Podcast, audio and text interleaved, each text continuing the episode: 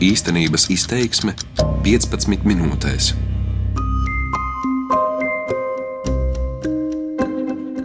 Esiet sveicināti! Mani sauc Mārcis Zanders, un šodien gribētu parunāt par kādu jubileju, gadsimtu vēsturisku, kas, protams, ir tieši saistīta ar mūsdienām. Un, lai cik neveikli tas skan, šogad aprit 30 gadu kopš 1989. gada. Tā tad aprit 30 gadu ne tikai PSRS karaspēka aiziešanai no Afganistānas, lai gan arī tas neapšaubāmi bija nozīmīgi okupētās Latvijas iedzīvotājiem, kuri tika pret savu gribu sūtīti šajā karā, bet arī 30 gadu Baltijas ceļam un Berlīnas mūra krišanai. Citiem vārdiem sakot, tas bija nozīmīgs gads PSRS izveidotās sistēmas centrālajā un austrumē Eiropā sabrukšanas procesā. Un, lai gan retais, vismaz es tā ceru, bijušās PSRS tolaik pakļautajās zemēs šodien nožēlo totalitārā sistēmas sabrukumu, diezgan viegli iedomāties zināmu vilšanās sajūtu vismaz vecākajā un vidējā paudzē, salīdzinot savas cerības tolaik un šodienas realitāti. Par jaunākajām paudzēm man grūti spriest, jo kas to nav piedzīvojuši, tām droši vien ir cits atskaites punkts. Bet jāpiezīmē arī, ka šādās sajūtās Latvija vai pat Austrumēropa kopumā nav unikāls. Ir desmitiem grāmatu un tūkstošiem publikāciju par to, ka bijusī Austrumvācija arī desmitiem gadu vēlāk pēc apvienošanās Rietumvācija, tātad pēc Berlīnas mūra sabrukšanas, ka Austrumvācija turpina atšķirties no Rietumvācijas ienākumu līmeņa, dinamisma, Visvairāk tiek runāts par to, ka politisko simpātiju ziņā, bet arī citos aspektos. Un daudzās Berlīnas mūra krišanas jubilejai veltītajās publikācijās šogad tā vai citādi, bet parādās formulējums, apvienošanās process tā arī nav beidzies Vācija. Par spīti patiešām milzīgajām summām, kas ieguldītas Vācijas sociāliskajā daļā, Un tas īstenībā ir diezgan zīmīgi, ka ar naudu vien uh, reālu transformāciju panākt nevar. No otras puses, Austrumēropai un Baltijai ir paveicies. Ja pavērs uz bijušās Dienvidslāvijas reģionu, kurš, starp citu, arī pēc 89. un 90. gada sākās liels pārmaiņas, nu jā, uz, uz bijušās Dienaslāvijas reģionu, kur ģeopolitisko satricinājumu radītās sekas, lielākoties negatīvas, faktiski joprojām turpina ietekmēt šī reģiona cilvēku dzīvi. Vienalga, vai runa būtu par Bosniju, Kosovu vai Ziemeļmaķedoniju. Un no šī viedokļa mums tiešām ir paveicies, ja runa ir par salīdzinoši ne asiņainu, ne vardarbīgu režīmu transformācijas procesu. Bet atgriežoties pie šiem iespējamiem sarūktinājuma elementiem, viena no tēzēm, kas, nu, protams, katrā valstī savādāk ir vietējā specifika, viena no tēzēm, kas dzirdama Austrumē Eiropā, skan apmēram tā, ka vecā nomenklatūra arī pēc 89. gada faktiski saglabāja savu ietekmi respektīvi arī pēc komunisma krišanas. To vietējo specifiku es pieminēju arī tāpēc, ka, piemēram, Bulgārijā joprojām ievērojama sabiedrības daļa tur augstā vērtē šīs valsts ilgadīgo komunistisko vadītāju Teodoru Živkovu. Respektīvi, tad, kad viņam ir dzimšanas diena, tad viņa tur dzimtajā pilsētā ir milzīgas svinības, un vispār Živkovs lielā daļā Bulgārijas joprojām ir godā. Protams, var teikt, ka arī Latvijā ir cilvēki, kuri balso vai, vai citādi atbalsta Alfredu Rubiku. Tomēr atbalstītāju apmēri ir nesalīdzināmi un no mana viedokļa par sliktu Bulgārijai. Bet tomēr, ja neskaram šādus specifiskus gadījumus, jo tad būtu jāanalizē Bulgārijas vēsture, jautājums ir, ja nomenklatūra tiešām saglabāja savas pozīcijas pēc 89. gada, un es personīgi uzskatu, ka saglabāja. Kādēļ tas tā notika? Viena no man saprotamām versijām ir tā, ka komunistiskā režīma desmitgades bija iznīcinājušas attiecīgajās valstīs alternatīvās elites vai pat to aizmetņus. Lai paskaidrotu šo domu, jāpieskaras Polijai, kura taču par spīti milzu cilvēku resursu zaudējumiem Otrajā pasaules karā kas ir pilnīgi nenoliedzami. Polija bija ļoti izpostīta. Un tomēr Polija saglabāja labāku situāciju nekā tieši un nepārprotami okupētās Baltijas valstis.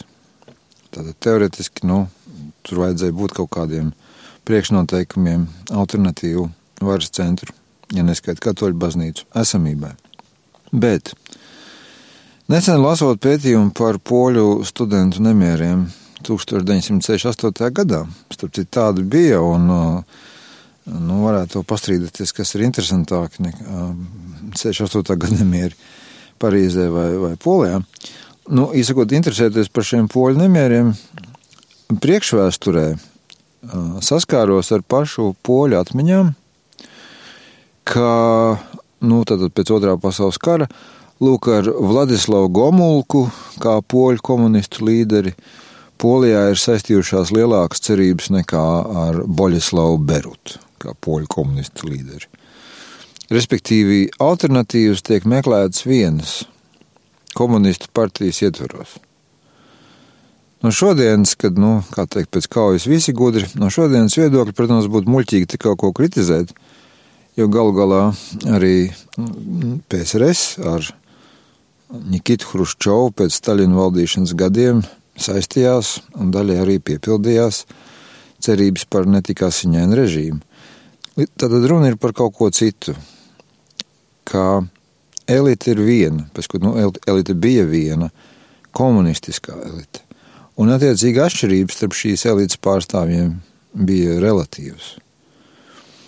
Jā, bija drosmīgi cilvēki, disidenti, ticīgi un neticīgi, strādnieki un rakstnieki, Polijā, Čehijā, Ungārijā, Baltijā. Bet objektīvi iemeslu dēļ, tāpēc, ka bija totalitāra režīma apstākļi, šādas grupas nevarēja izveidoties tik spēcīgas, lai 90. gadu sākumā, pēc 89. gada, varētu pilnvērtīgi nostumt malā komunistisko nomenklatūru. Un atkal tā tas bija ne tikai Latvijā. Līdz ar to, ja mēs kā nepatīkamu faktu atzīstam, bijušās nomenklatūras spēju veiksmīgi pārdzīvot režīmu transformāciju 80. gadu beigās, 90. gadu sākumā. Ja mēs kā nepatīkamu faktu atzīstam nomenklatūras kā tādas, vispār dzīvot spēju, īstais jautājums, manuprāt, ir, vai tagad mēs beidzot dzīvojam valstī, kurā ir ne tikai neizbēgamā, daļai vecā, daļai jaunā nomenklatūra, bet kurā ir arī iespēja veidoties alternatīviem varas centriem. Citiem vārdiem sakot, nu, kā saka, veco komunistu noturēšanās pozīcijās pēc 89. gada, zināmā mērā bija neizbēgama un nav vērts par to plūkt matus. Savukārt, ja arī 30 gadus vēlāk valstī ir tikai viena valdošā grupa, alternatīvu grupu nav, tad gan ir skumji. Vēl viena problēma varētu būt tā, ka režīma nomaiņa, un Baltijas gadījumā to skaita arī valstiskuma atgūšana, ne tikai režīma nomaiņa, tika uztverta kā izmaiņas arī domāšanā, jaunu vērtību, jaunas dzīves jēgas iegūšana. Un šis pieņēmums, diemžēl, ir bijis kļūdains, un nevarēja tāds nebūt. Un te ir vērts pievērsties vienam no pelnīti pazīstamākajiem austrumēropas disidentiem, Vāclavam Havelam. Pērnā gada nogalē latviešu valodā iznāca vairākiem čehu domātājiem, to skaitā Havelam, veltīts rakstu krājums, un es atļaušos divus citātus no tā. Politologs Ivars Ieps savā tekstā par Havela darbiem atzīmē viņa, nu, Havela vērtējumu komunistiskajai sistēmai. Citēji. Šādas ideoloģiskās sistēmas galvenais raksturlielums pēc Havela domām ir tās fundamentālais melīgums. Cilvēki reproducē uzvedības modeļus un rituālus, kuru jēgai paši netic. Citādi beigas. Es negribētu tagad savu apgalvojumu izvērst, jo tā ir pavisam cita tēma, bet mans apgalvojums ir, vai līdzīgi mēs neuzvedamies arī šodien, ka mēs atkārtojam kaut kādus modeļus un rituālus, kuriem paši īsti neticam. Savukārt čehu filozofs un sociologs Vāclavs Belohratskis savā Havelam veltītajā tekstā citēja amerikāņu sociologu Richardu Senetu citēju. Manā jaunībā dumpinieki ticēja, ka izjaucot institūcijas, mēs varētu radīt kopienas, kas balstītas tiešās uzticības un solidaritātes cauraustās attiecībās. Tā noteikti nav noticis. Lielo institūciju sairšana sadrumstalojusi arī daudz cilvēku dzīves. Institūciju sadalīšana nav vairojusi biedriskumu. To saka tātad nu, amerikāņus no savas skatu punkta par rietumiem, bet nu, tas labi iekļaujās. Un lūgums pareizi man arī saprast, vai, precīzi sakot, nepārprast. Es nesaku, ka kapitālisms nav labāks par komunismu. Kapitālismā priekšrocības un mīnusi vairākas lietas uz priekšrocību pusi. Vismaz es salīdzinu ar komunismu. Bet kapitālistiskā sistēma nevar nodrošināt demokrātiju. Atliek pastīties uz šodienas Ķīnu, Singapūru un citām valstīm. Un kapitālistiskā sistēma vien nevar nodrošināt cilvēkam pašcieņu un iesakņotības sajūtu. Līdz ar to iespējamā vilšanās sajūta 30 gadus pēc Berlīnas mūra krišanas saistāma ar tā saucamo austrumu blokā dzīvojošo cilvēku nepietiekamo izpratni par kapitālismu. Citādi tā arī nevarēja būt, jo mūsu priekšstati neizbēgami bija sarautīti, ko mēs zinājām, kas īstenībā ir kapitālisms. Bet tas nemaina manu tēzi. Mēs to laiku pārāk paļāvāmies, un baidos, ka turpinām darīt tā arī šodien.